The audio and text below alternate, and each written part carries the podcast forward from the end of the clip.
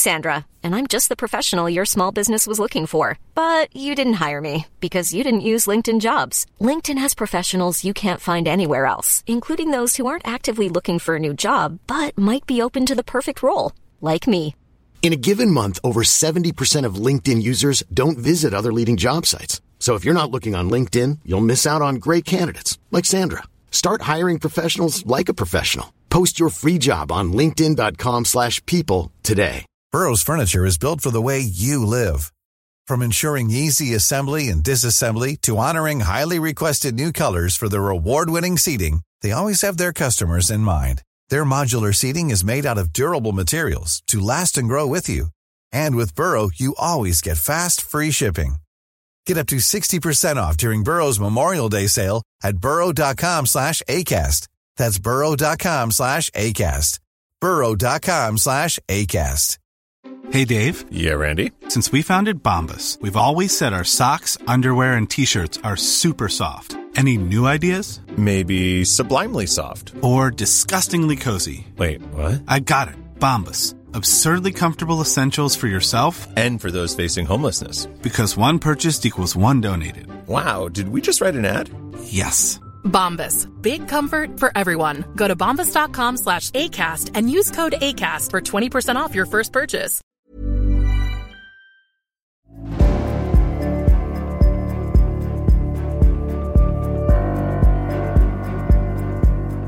Välkomna tillbaka till podcasten Samtal. Nu den här veckan är jag friskare än förra gången. Jag var nyvaken och mycket sjuk.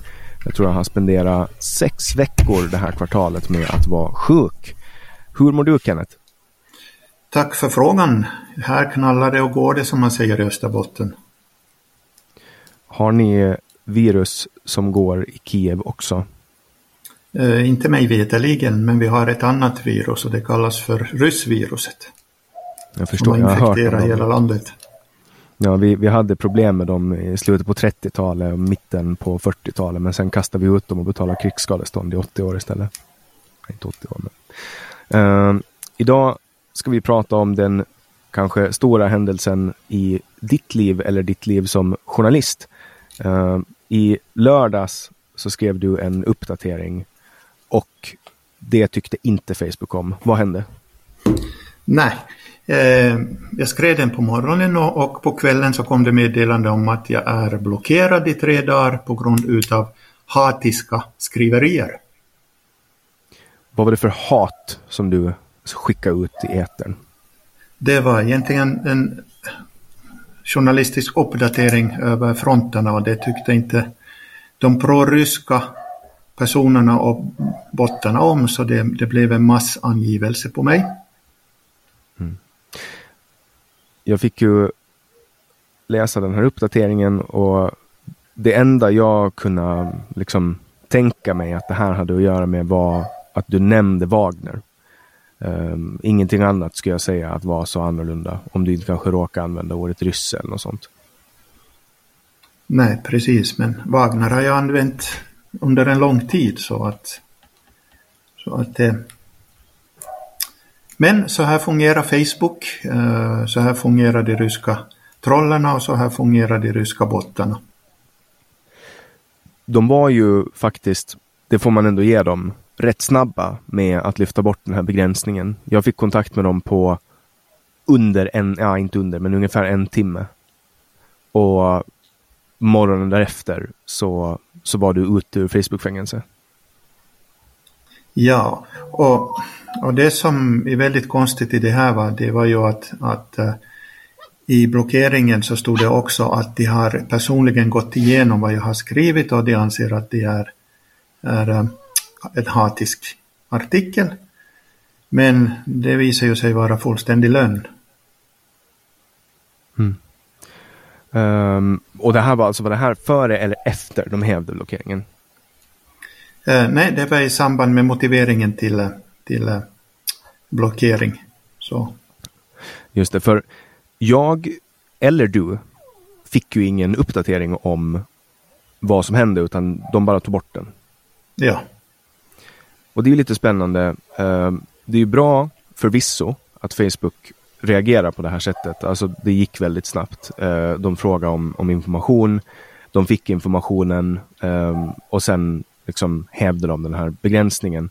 Men tänk på alla de personer där ute som inte har tillgång till eh, ja, men en utgivare eller som inte har tillgång till en plattform att, att nå ut på. Då är man ju beroende av Facebook. Precis, och där är det ju, mm, där är det ju liksom hur man kan styra en, en eh, plattform bara genom att sätta massangivelser, robotar på och börja skriva angivelserna. Och man inte ens funderar ens på att gå och titta på är det, är det, det här eh, rätt eller fel, utan man, man helt enkelt litar på vad, vad, vad de får in för, eh, för det här eh, information på elektronisk och sen agerar man därefter. Mm. Ja, alltså Facebook har ju väldigt lite fysisk eh, kontakt med sina kunder. De vill ju väldigt gärna vara hemliga. Eh, och det här är ett problem. Alltså om någon vill verkligen ha kontakt med dem, då går det inte. Men den här gången så gick det faktiskt. Eh, och nu får vi se. Nu har vi en liten, eh, en liten uppförsbacke för att få dem att gå med på att liksom släppa in oss i det här journalistprogrammet. Eh, de har, på något sätt så har de svårt att förstå att en person som bor i Finland eh, eller som är född i Finland kan bo och verka i Sverige. Det blir syntax error för dem när man försöker liksom förklara det. uh, och så är det ju i båda våra fall att vi är fin finnar som pratar svenska. Uh, mm. Men de förstår inte alls. Uh, men mitt, mitt fall är väldigt speciellt. Finsk passport, svensk modersmål, skriven i Norge och bor i, i Ukraina.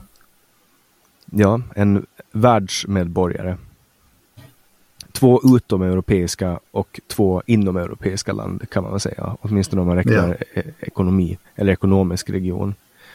Um, ja, uh, men då har vi i alla fall fått se att, att det har lönat sig att, uh, att göra den här satsningen. Uh, för nu har vi ju också börjat uppdatera på eh, Facebook med dina, eller på eh, nongrata.se med dina uppdateringar. Eh, och det har blivit ett mycket uppskattat inslag och det kommer vi att fortsätta med. Um, sen har vi också då en Youtube-kanal. Du har ju varit och filmat på platser där få andra människor har varit. Jo, tack vare min arméstatus så har jag tillgång till, ska vi säga sådana områden som ingen vanlig journalist kan komma sig till.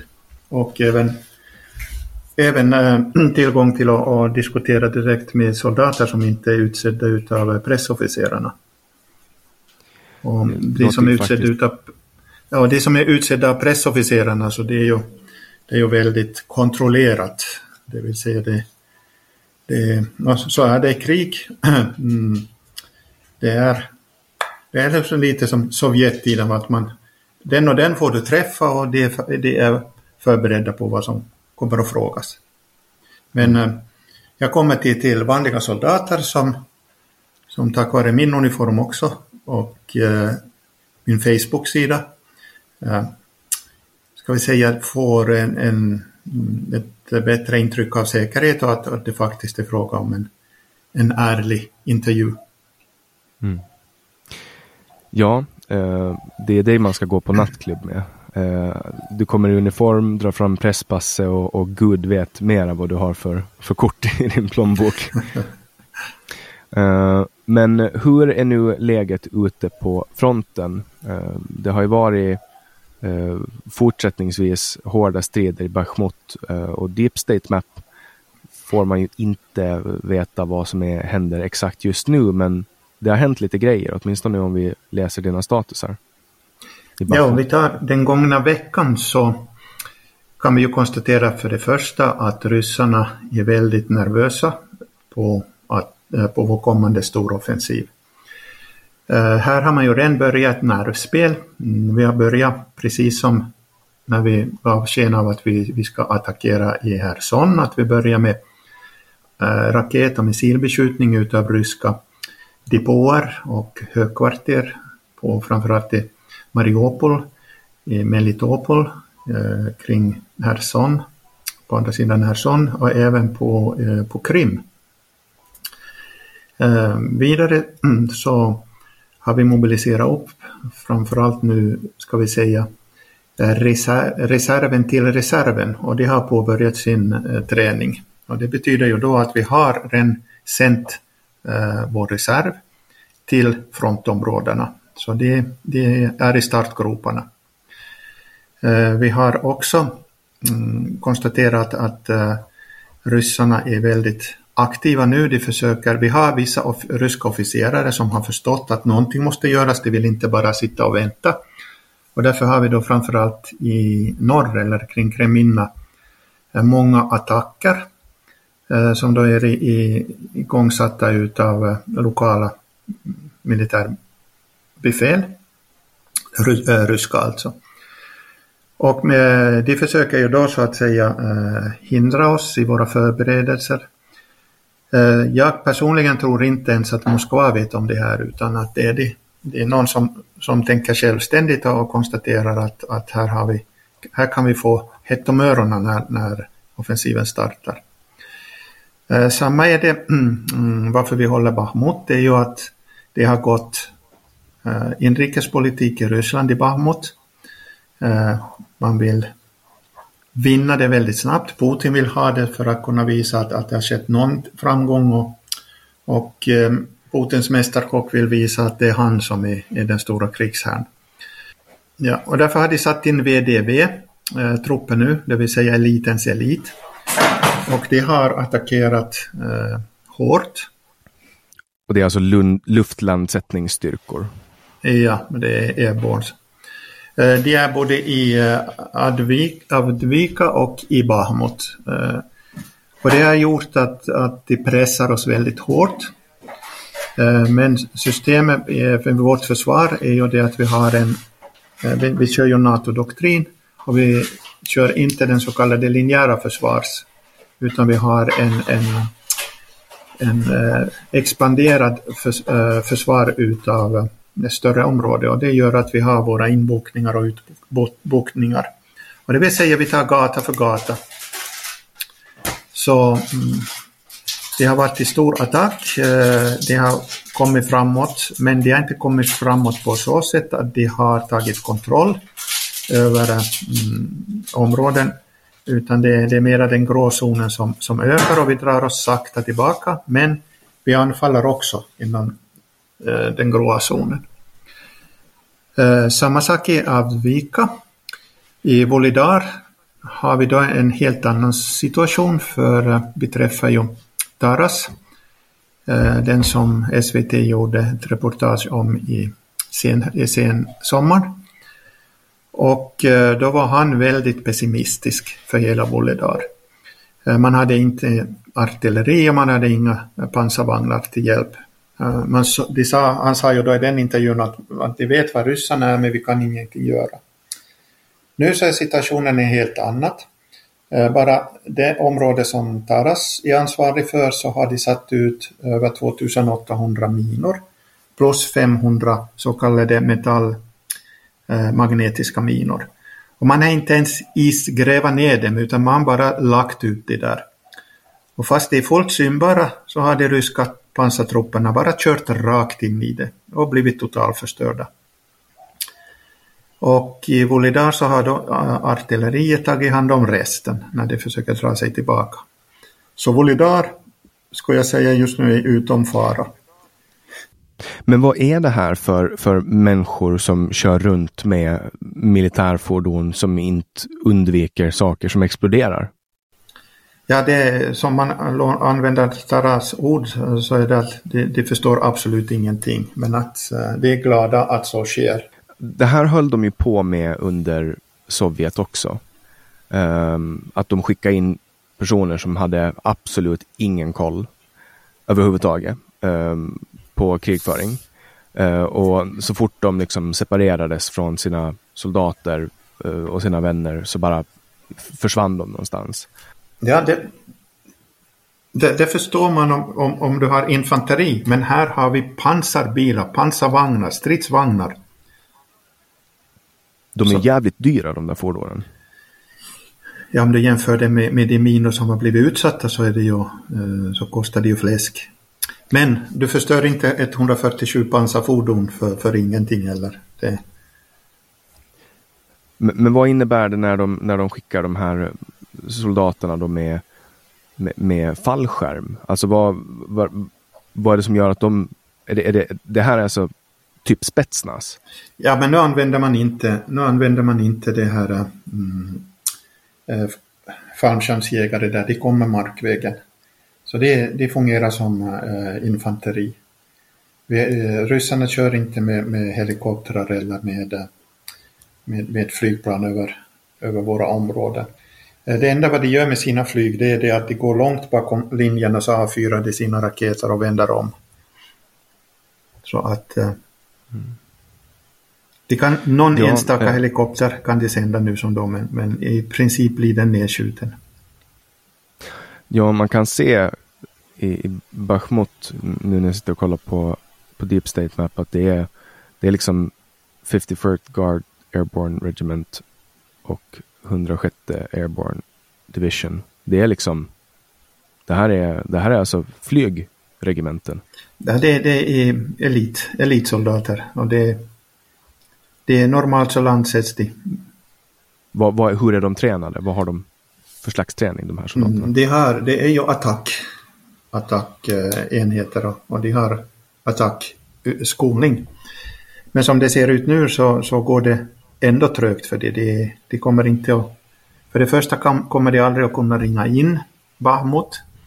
Vilket gör att de måste liksom ta gata för gata eh, från öst, östra delen som de har tagit in emot centrum som det strids om nu. Och efter centrum måste de gå mot eh, västra, västra delen av stan. Och efter det så kommer det då en, en stor försvarslinje vid eh, Chassiviar. Så att, att hur de än försöker så har de enorma förluster. Vad är det som gör att soldater fortsätter strida för en, en regim som har så fruktansvärda motgångar som Ryssland? Det är väl den 30-åriga brainwashingen som de har utsatts för och propaganda. Och sen är det ju då eh, strider de inte så kan de bli fängslade i, i vad är det, upp till 15 år. Eller tvångssänd till eh, fronterna som kanonmat. Så det är väl både en, en brainwashing och, och rädsla. I din intervju med Grim så pratar ni om att eh, många av de här soldaterna som de tar som krigsfångar beter sig narkotikapåverkat. Kan du berätta lite om det? Ja, det är ju... Mm, de kommer som zombies. För att du ska få folk liksom bara att gå rakt in i en mördande kulspruteeld utan att ens ta skydd eller ens försöka värja sig. Och fast de får träffar att de ändå fortsätta upprättgående framåt ända tills de förblöder och faller. Så då, då är du ju på narkotikapåverkad. Och dessutom så lunkar de det långsamt, de, kommer inte heller med fart. Och det visar ju då att det har det är andra än, än uppbyggande medel de använder. Det är väl, det är väl depressionsmedel mm, som ska få det att, att bli nästan som en robot. Ja, så de har väl tömt några gamla Sovjetlager. De har ju ganska mycket eh, lurigheter. Eh, speciellt när det kommer till me- mediciner. Sovjet har ju, eller Sovjet eh, hade mycket märkliga eh, mediciner de höll på med. Och, och vissa finns ju fortfarande i cirkulation. Ja, och så har de ju alla tidigare inom idrotten har använt dopingmedel så den kemiska utvecklingen har de väl under kontroll. Ja, ehm, det, det finns ett, ehm, ett inslag i Icarus-dokumentären som fick en, en eh, Oscar 2017 för att de avslöjar just det här dopingfusket som var, det var Putin som hade helt enkelt beordrat det. Eh, och där eh, kan man se hur han eh, stiger väldigt eh, snabbt i opinionen. Eh, för att eh, då runt 2014 när det här hände då, OS i Sochi, ta sig modet att attackera Ukraina. Och vi vet ju vad som hände sen. Eh, jag träffade ju Putin och jag har faktiskt jobbat tillsammans med honom 1993 mm, när jag hade verksamhet i Sankt Petersburg tillsammans med dåvarande borgmästare Anatolij Sobchak.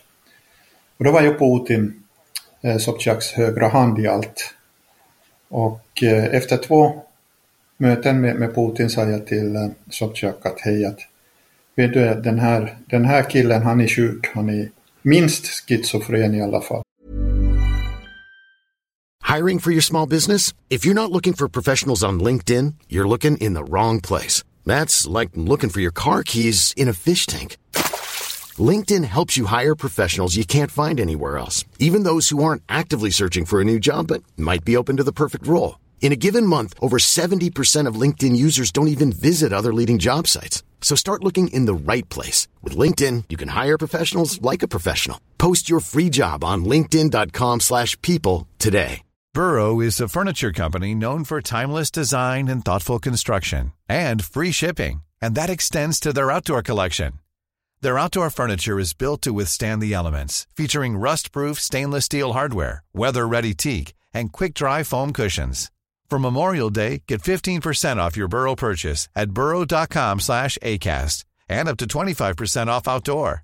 That's up to 25% off outdoor furniture at burrow.com slash ACAST.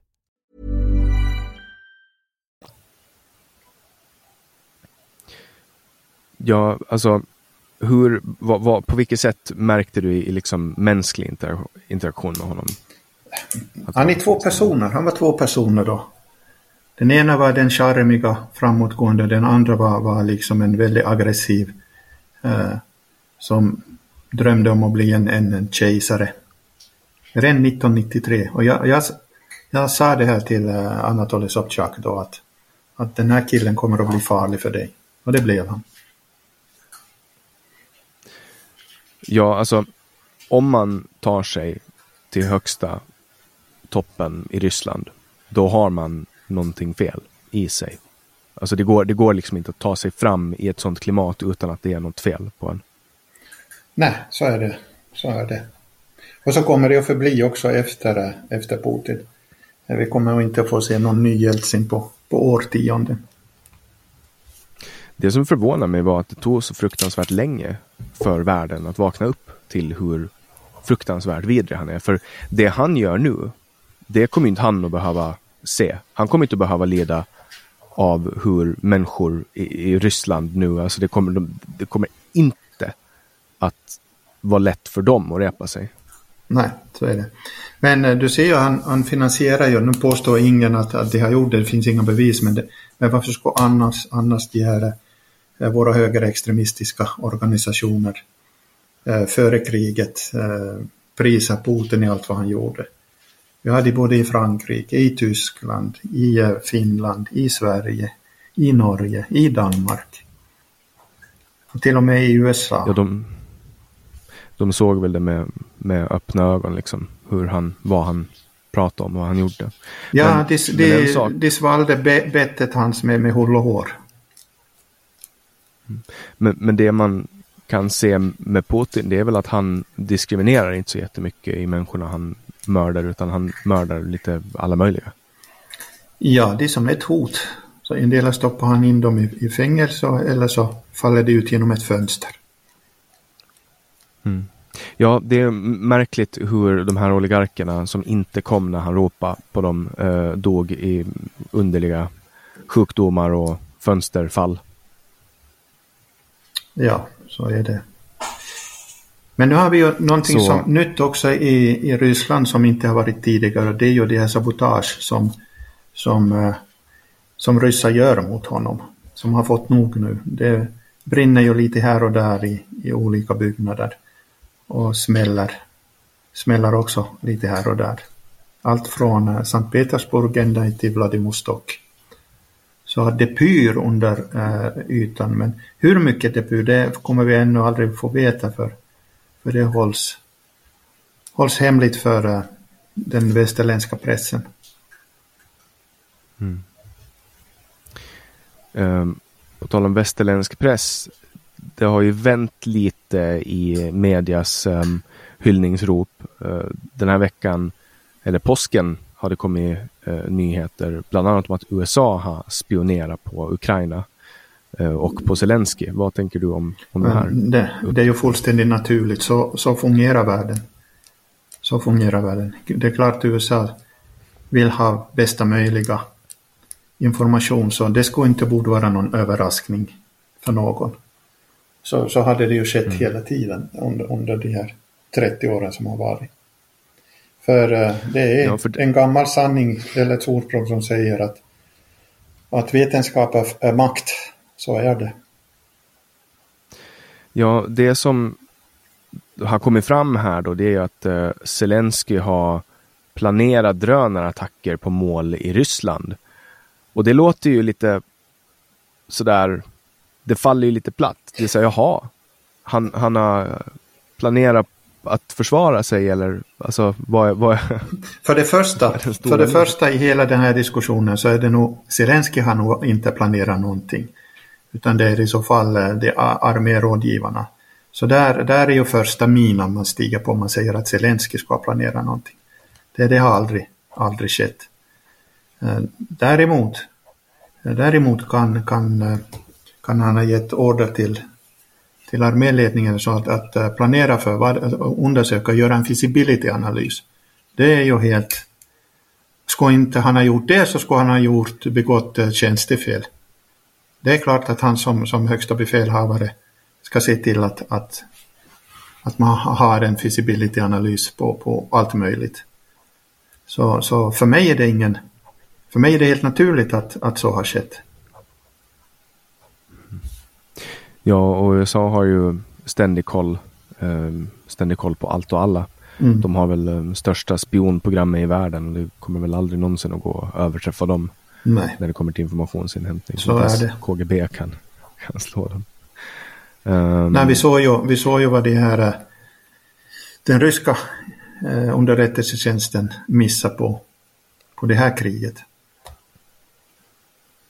Vad tänker du på? Eh, framförallt om, om eh, Ukrainas försvarsvilja, om Ukrainas eh, materiel, om ukrainska arméns, ska vi säga, professionalitet.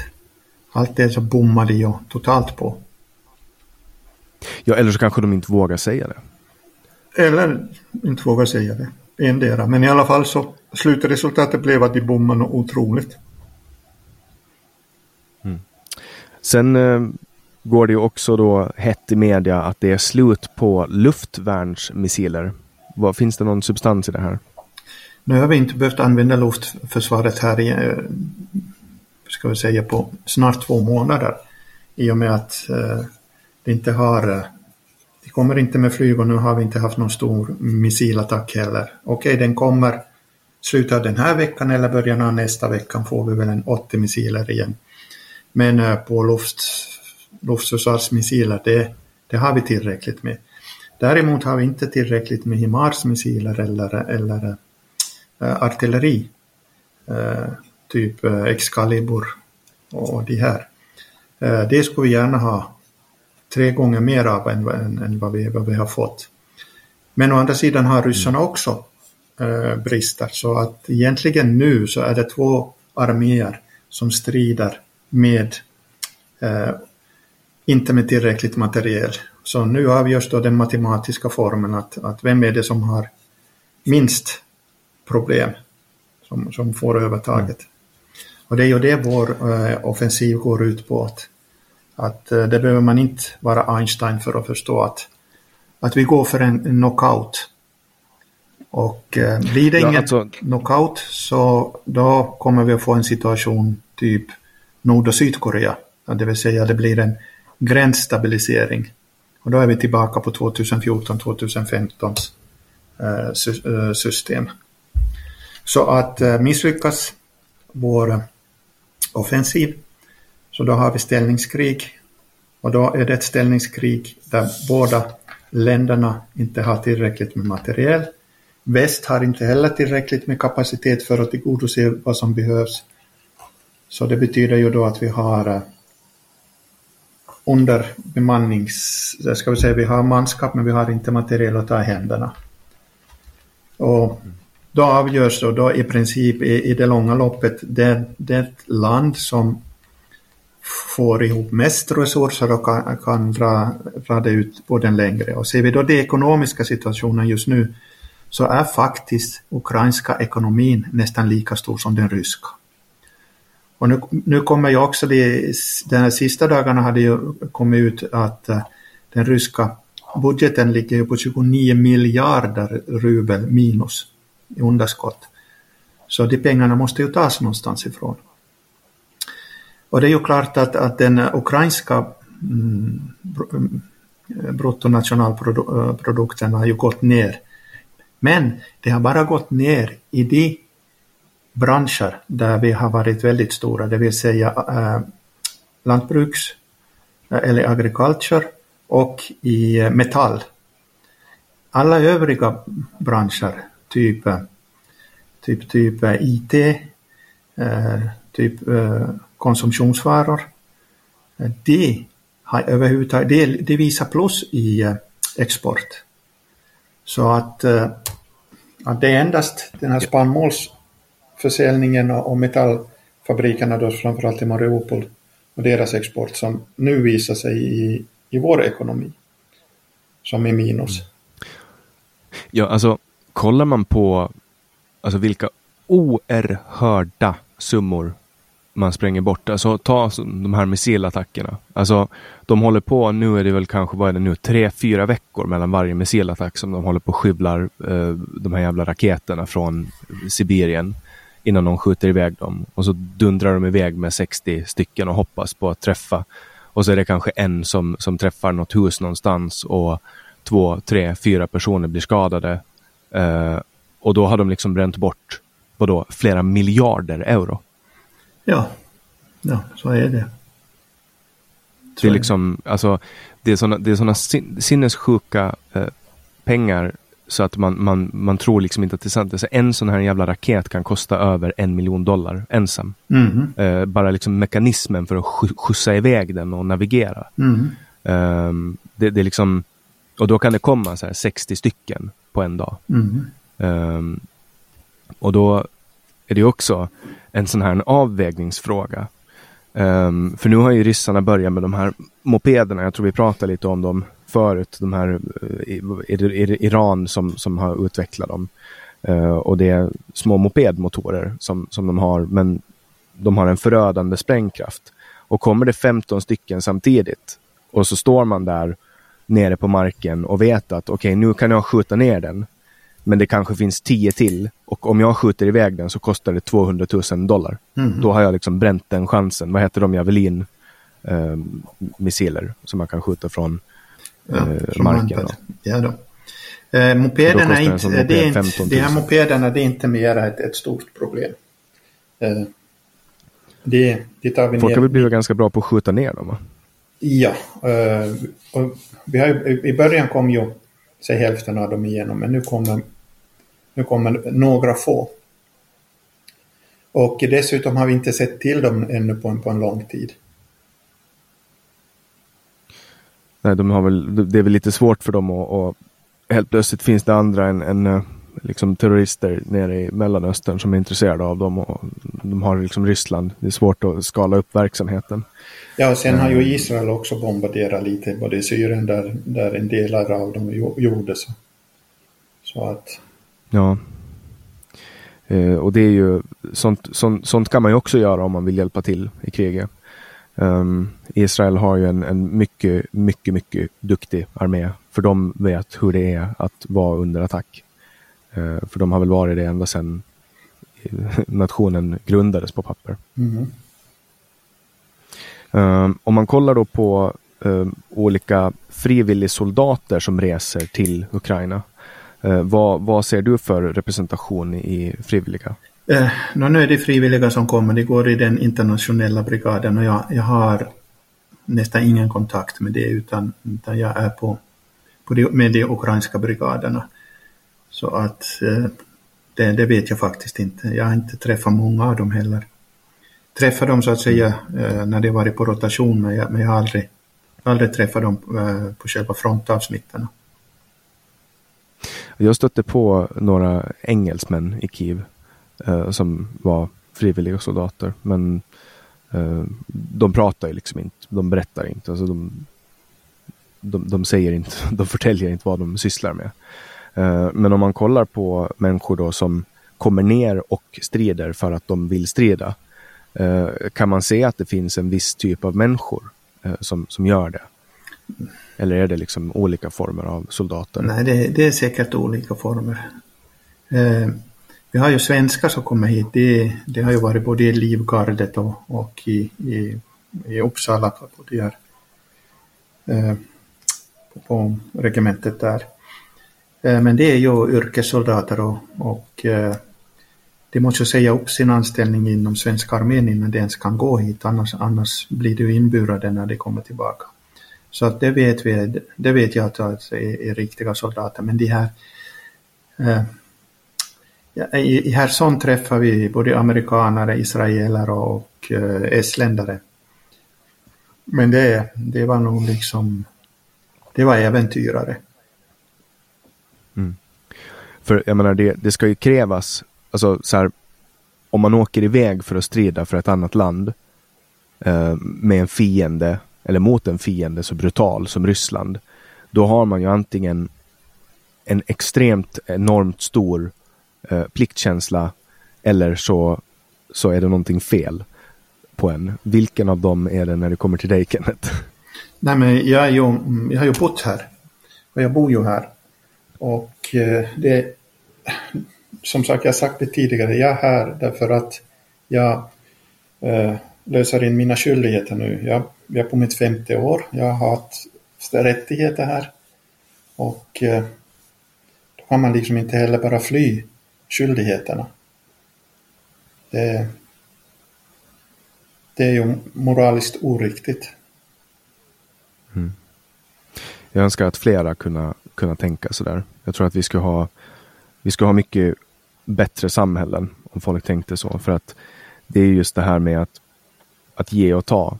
Uh, och är det någon gång som det verkligen är viktigt att man ställer upp så är det när fienden kommer på det sättet som de gör nu. Och jag tror att det är få människor som har växt upp i Finland som inte känner liksom närvaron av ryssen. Alltså när vi var små så pekade folk på flygplan och sa nu, kom, nu kommer ryssen, ryssen kommer liksom. Och nu kom de. Ja, nu kom de. Som man ser under Men, uh, de senaste 30 åren så har uh, ryssarna varit med och startat 11 krig. Det är, det är nästan mer än USA alltså. Det är mer än USA. Alltså ryssarna har faktiskt, de har gått i attack i, i elva olika krig. Eh, jag fattar, jag fattar inte hur de har liksom slinka igenom. Jag menar, de har suttit med i, de har, de har varit med i OS, de har varit med i liksom FN och de har varit med i liksom alla de här stora fina. Liksom. Jag skäms nästan över att jag satt med en rysk um, konsul, eh, på, han åländska konsuln, vid en middag eh, i, typ i september året före kriget. Så hamnade jag vid samma bord som honom på en middag. Eh, och, och, nu är det liksom som att allting det här är alltså att man vill inte ha, jag vill inte ha med dem att göra överhuvudtaget. Kommer, alltså tror du att det kommer att finnas en värld där vi kan eh, inte ha den här beröringsskräcken mot ryssar? Ska vi säga, mm, när det blir fråga om pengar så blir, glömmer man snabbt. Den dagen Ryssland öppnas igen för handel så då kommer ju businessen att glömma det. Glömma vad som har skett. Men, men personligen det är vad jag har sett under det här kriget. Jag har sagt det länge och jag säger det även nu. Jag kommer aldrig att kunna ta en ryss i hand och skaka hand. Eh, fast jag, det är ju, man ska inte dra alla över en kam, men, men, men det är vad jag har sett, det är vad jag har hört, så då ska, den, då ska den ryssen faktiskt visa att, att uh, han stod på Ukrainas sida. Mm. Och hur, hur är det när det kommer till liksom um, fördomar mot ryssar? För jag vet att många har väldigt svårt nu med ryssar som har bott utanför Ryssland länge. Um, det blir ju en det är ju orättvist att, att utsätta en människa som bara kommer någonstans ifrån för uh, för liksom misstanke. Men kan, kan människor ha rätt i att uh, vara misstänksamma för att de tänker att ja, men det kan vara en spion, liksom, det är ju krig nu trots allt? Jag tycker att den, man ska faktiskt tänka och analysera två gånger innan man ger sig in i, i, i någonting som har med, med Ryssland eller med ryssar att göra. Det, det, man vet aldrig. Vi ser ju nu det här, eh, den rysk-ortodox ortodoxa kyrkan här i, i, i Kiev. Eh, det är ju ett tillhåll för att, att ge eh, rysk propaganda. Det är ett tillhåll med, med att förse descendanter och spioner med, med husrum, mat, pengar. Och, och det här har ju varit så uppenbart, så uppenbart. Dessutom så går ju Rysslands kyrköverhuvud ut och säger att, att uh, man kommer till himmelriket om man utrotar Ukraina. Så att mm. här är också religionen nu i, liksom med, med i spelet. Ja, då är ju religion ändå ingenting som har varit jättestarkt i rysk, eh, eller åtminstone om man tar Sovjettiden. Eh, men eh, nu har man ju också då spekulerat och pratat om, om en, eh, en offensiv mot Krim där man skulle ta tillbaks Krim. Är det här eh, krigsretorik för att retas eller är det här någonting som, som man faktiskt planerar? Vad, vad säger du? Nej, alltså nu måste vi hålla oss till realiteter, vad som är reellt. Krim kommer att bli ukrainsk en dag, men jag tror inte att det kommer att bli att, att vi, vi går in med soldater. Det blir troligtvis mera typ eh, Herson, att, eh, att ryssarna ger bort det frivilligt. Det, det kan ske om vår offensiv blir lyckad. Att vi kan ju gå på, på knockout, att vi kan slå ut två tredjedelar av ryska armén. Och eh, mm, då, då är liksom förhandlingsläget starkt. Och det betyder, och skulle så ske att, att eh, de åker på en, en riktigt på pumpen och igen, då kommer nog Putins politiska karriär att vara över. Så inte bara för oss är den här eh, offensiven viktig, utan den, den är även, resultatet av den är även viktig för, för rysk inrikespolitik. Men är inte hans politiska eh, alltså karriär över nu, som det är nu? Inte, inte i Ryssland. Det är den absolut inte. Den är ännu väldigt, väldigt stark där. Uh, för uh, han, har ju, han har ju under 20 år så har han ju byggt upp ett uh, väldigt grepp om ballarna deras, ska vi säga, eliten. Så att det finns egentligen ingen opinion emot honom, eller opposition. Och eh, det, det är liksom en maffiaklan att när, när uh, mafias mafioso börjar bli svag då ska någon av de övriga mafioserna ta över och bli, bli gudfadern. Och den, det kommer även att ske här.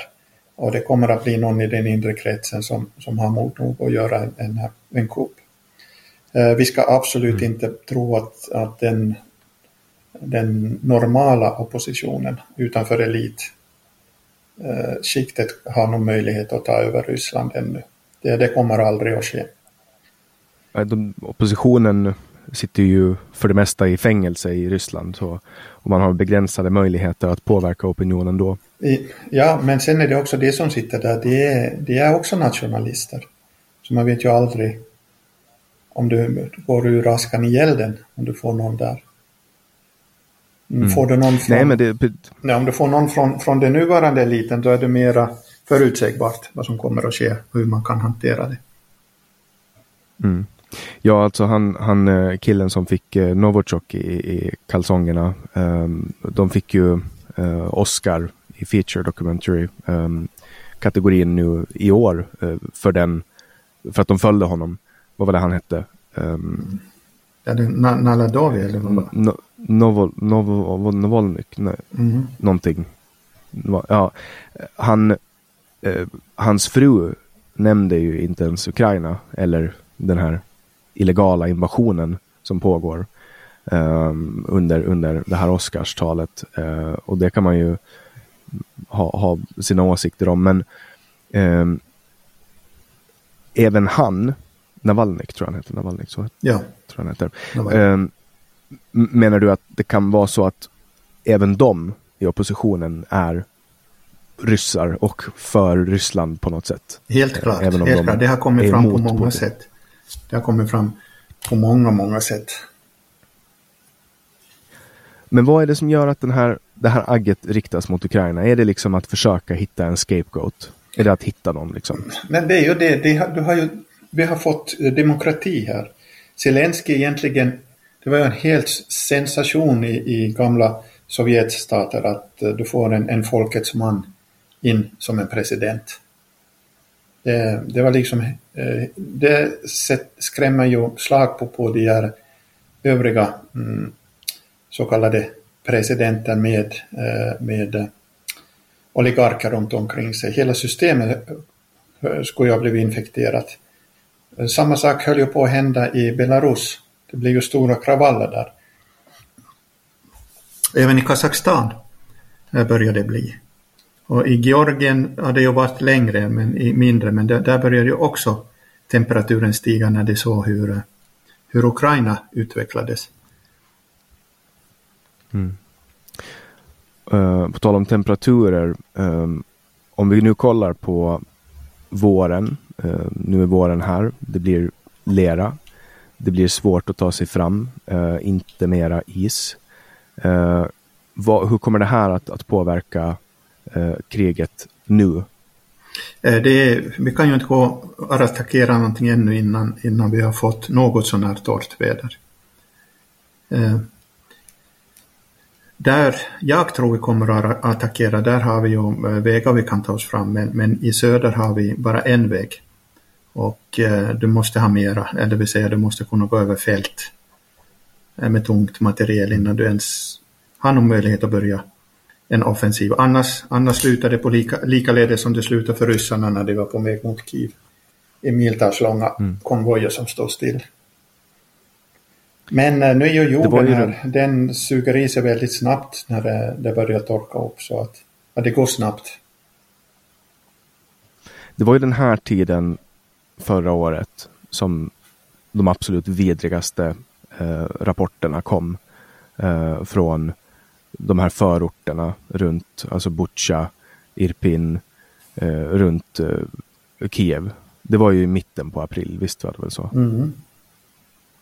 Eh, hade det att göra med att de liksom hade lyckats ta sig fram dit på grund av väderförhållanden eller var det bara att de råk, alltså det bara, de bara var där och folk dokumenterade? Men de, de kom ju fram på, på vägarna va. Och de hade ju bara en väg. De, de som eh, körde av vägen så, så det här eh, blev ju hängande eller, eller sjönk ju ner i leran. Och vi hade ju våra trupper som, som delade upp det i olika stycken och, och eh, tog, slog ut eh, deras ska jag säga, eh, materiel.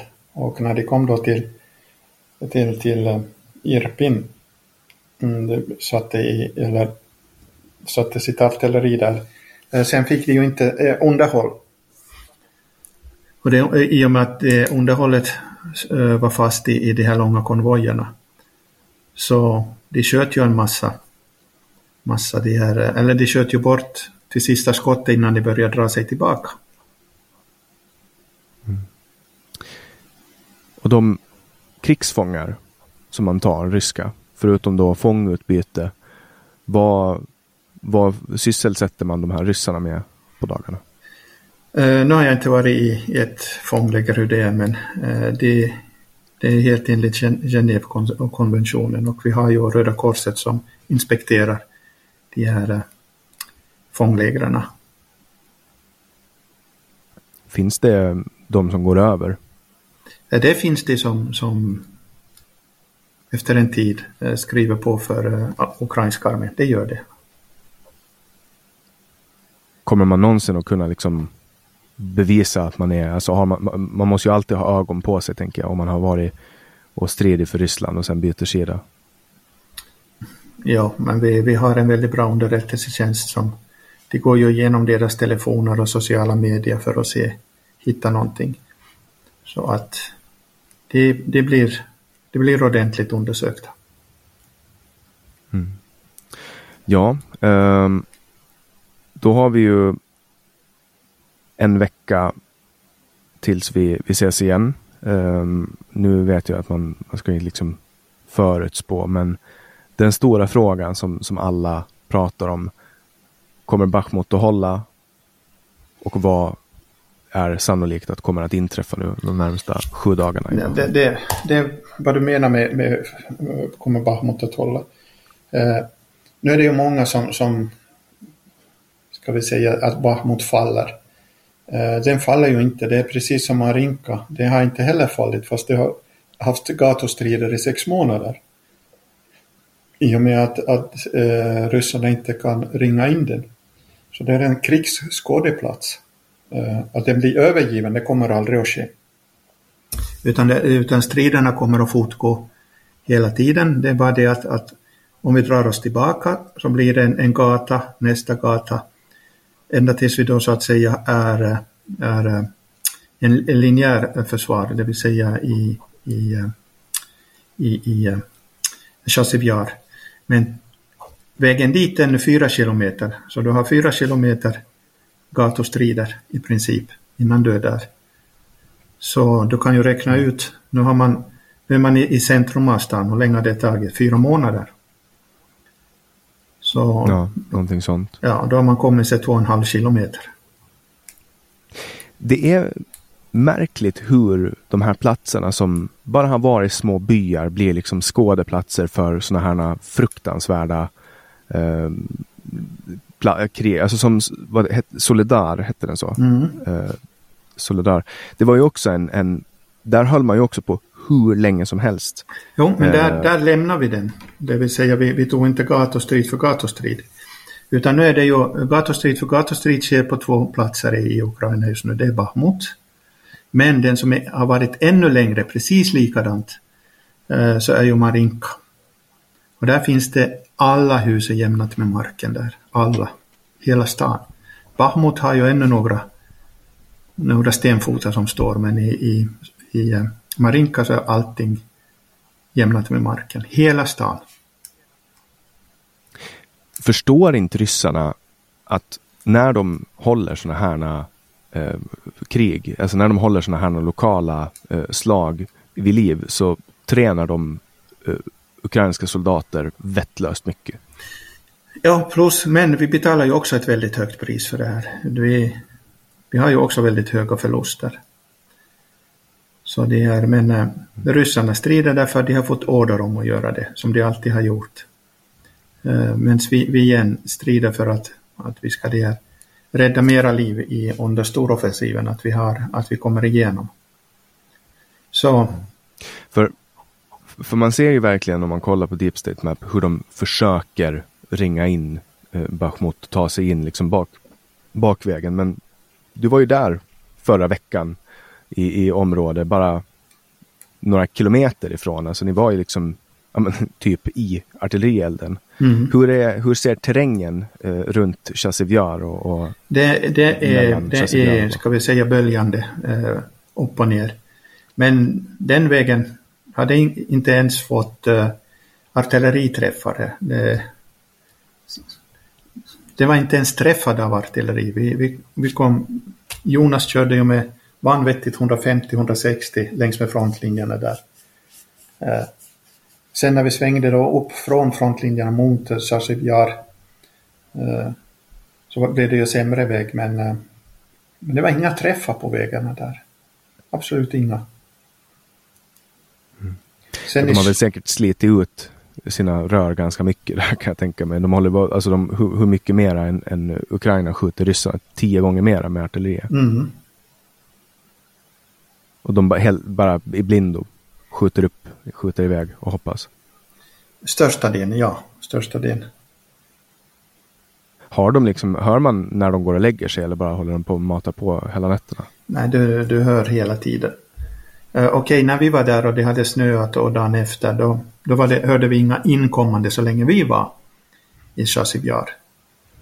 Uh, men tredje dagen då när vi var där och, och gav det ut till sista sista de här eh, eh sjukvårdsartiklarna till in, inne i Chassiviar. Så då, då, var vi, då, hörde vi, då hörde vi ett skott var 15 minut på inkommande. Det var 15 sekund mm.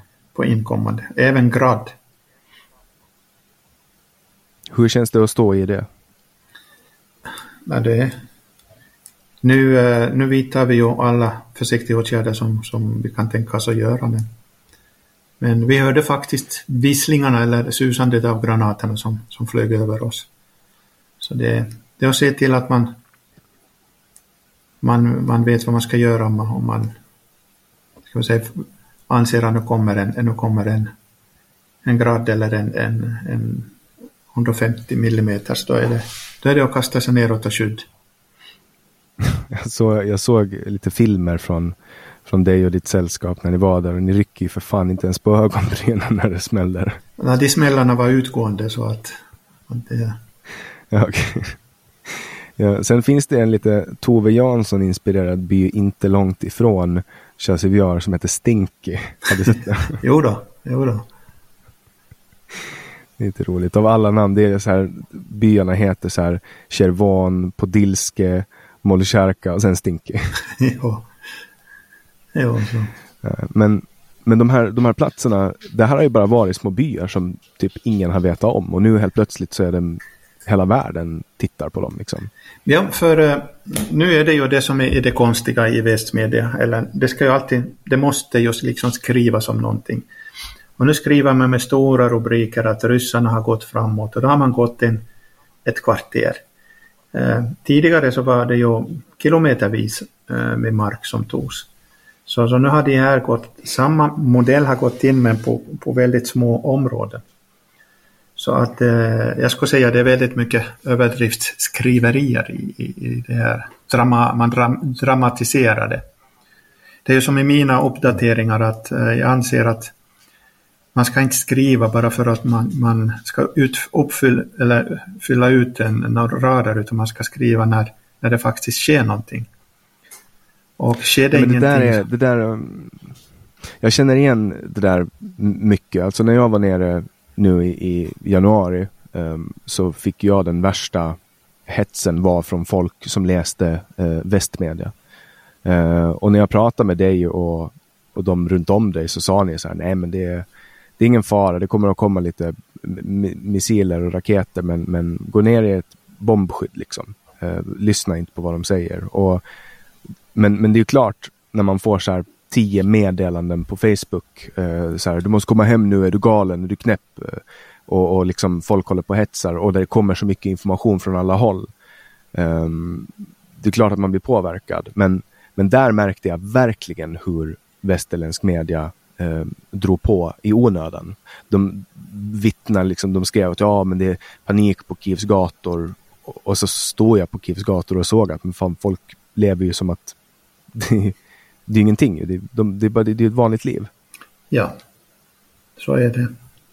Och därför, därför äh, tänkte jag nu också, eller vi äh, på, på Nongrata, att vi har ju påbörjat en serie som heter Heroium Slava, där vi ska intervjua äh, hjältar i, i vardagen här och, och koncentrera oss på människorna. Och nästa vecka så ska jag intervjua en, en parlamentsledamot, en ung dam som heter Maria Metsepia. Och, eh, eh, och få, ska vi få ta reda på lite hur det känns att vara en, en, eh, en parlament, sitta i parlamentet under brinnande krig och eh, hur man försöker ska göra sitt jobb. Sen har jag också en intressant person som som heter eh, Georgi Subko som eh, egentligen är ordförande i eh, Ukrainska ishockeyförbundet och sitter i den internationella kommittén också.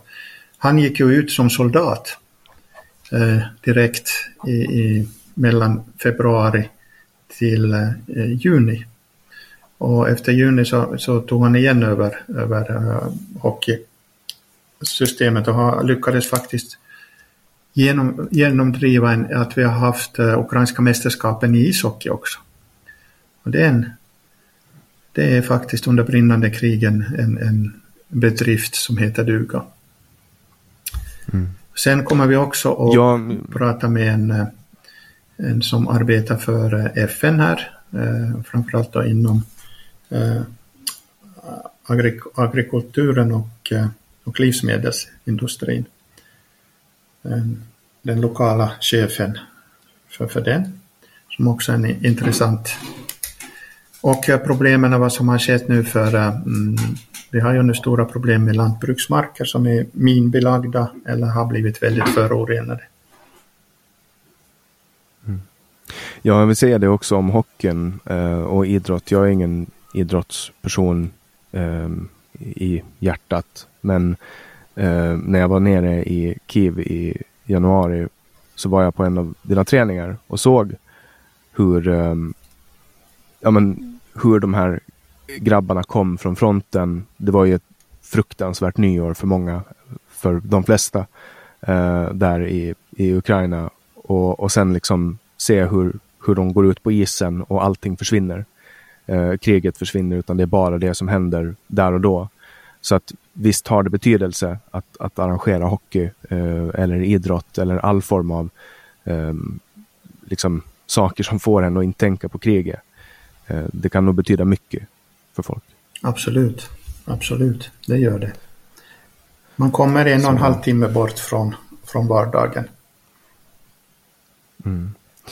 Och eh, nu har vi pratat ungefär en timme. Förra gången pratade vi eh, en och en halv timme. Ehm, och eh, jag tycker ju att det, det är trevligt att hålla poddarna långa för att då kan man välja när man vill sluta lyssna. Och till er som har lyssnat ända till slutet, jätteroligt att ni är med oss.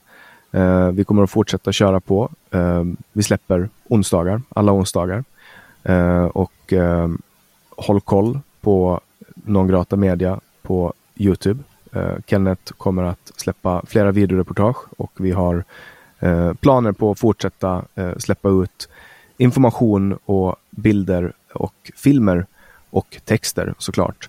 Eh, en sak som nu är viktig tror jag är att gå in på nongrata.se kenneth backup och skriv upp er på Kennets backup eh, lista. Därför att ibland så händer det som inte får hända och det hände i lördags och Kenneth blev eh, nertagen från Facebook. Så att vill ni ha den senaste informationen ifall det är så att Kenneth försvinner från Facebook, för man vet aldrig vad de här luringarna får för sig.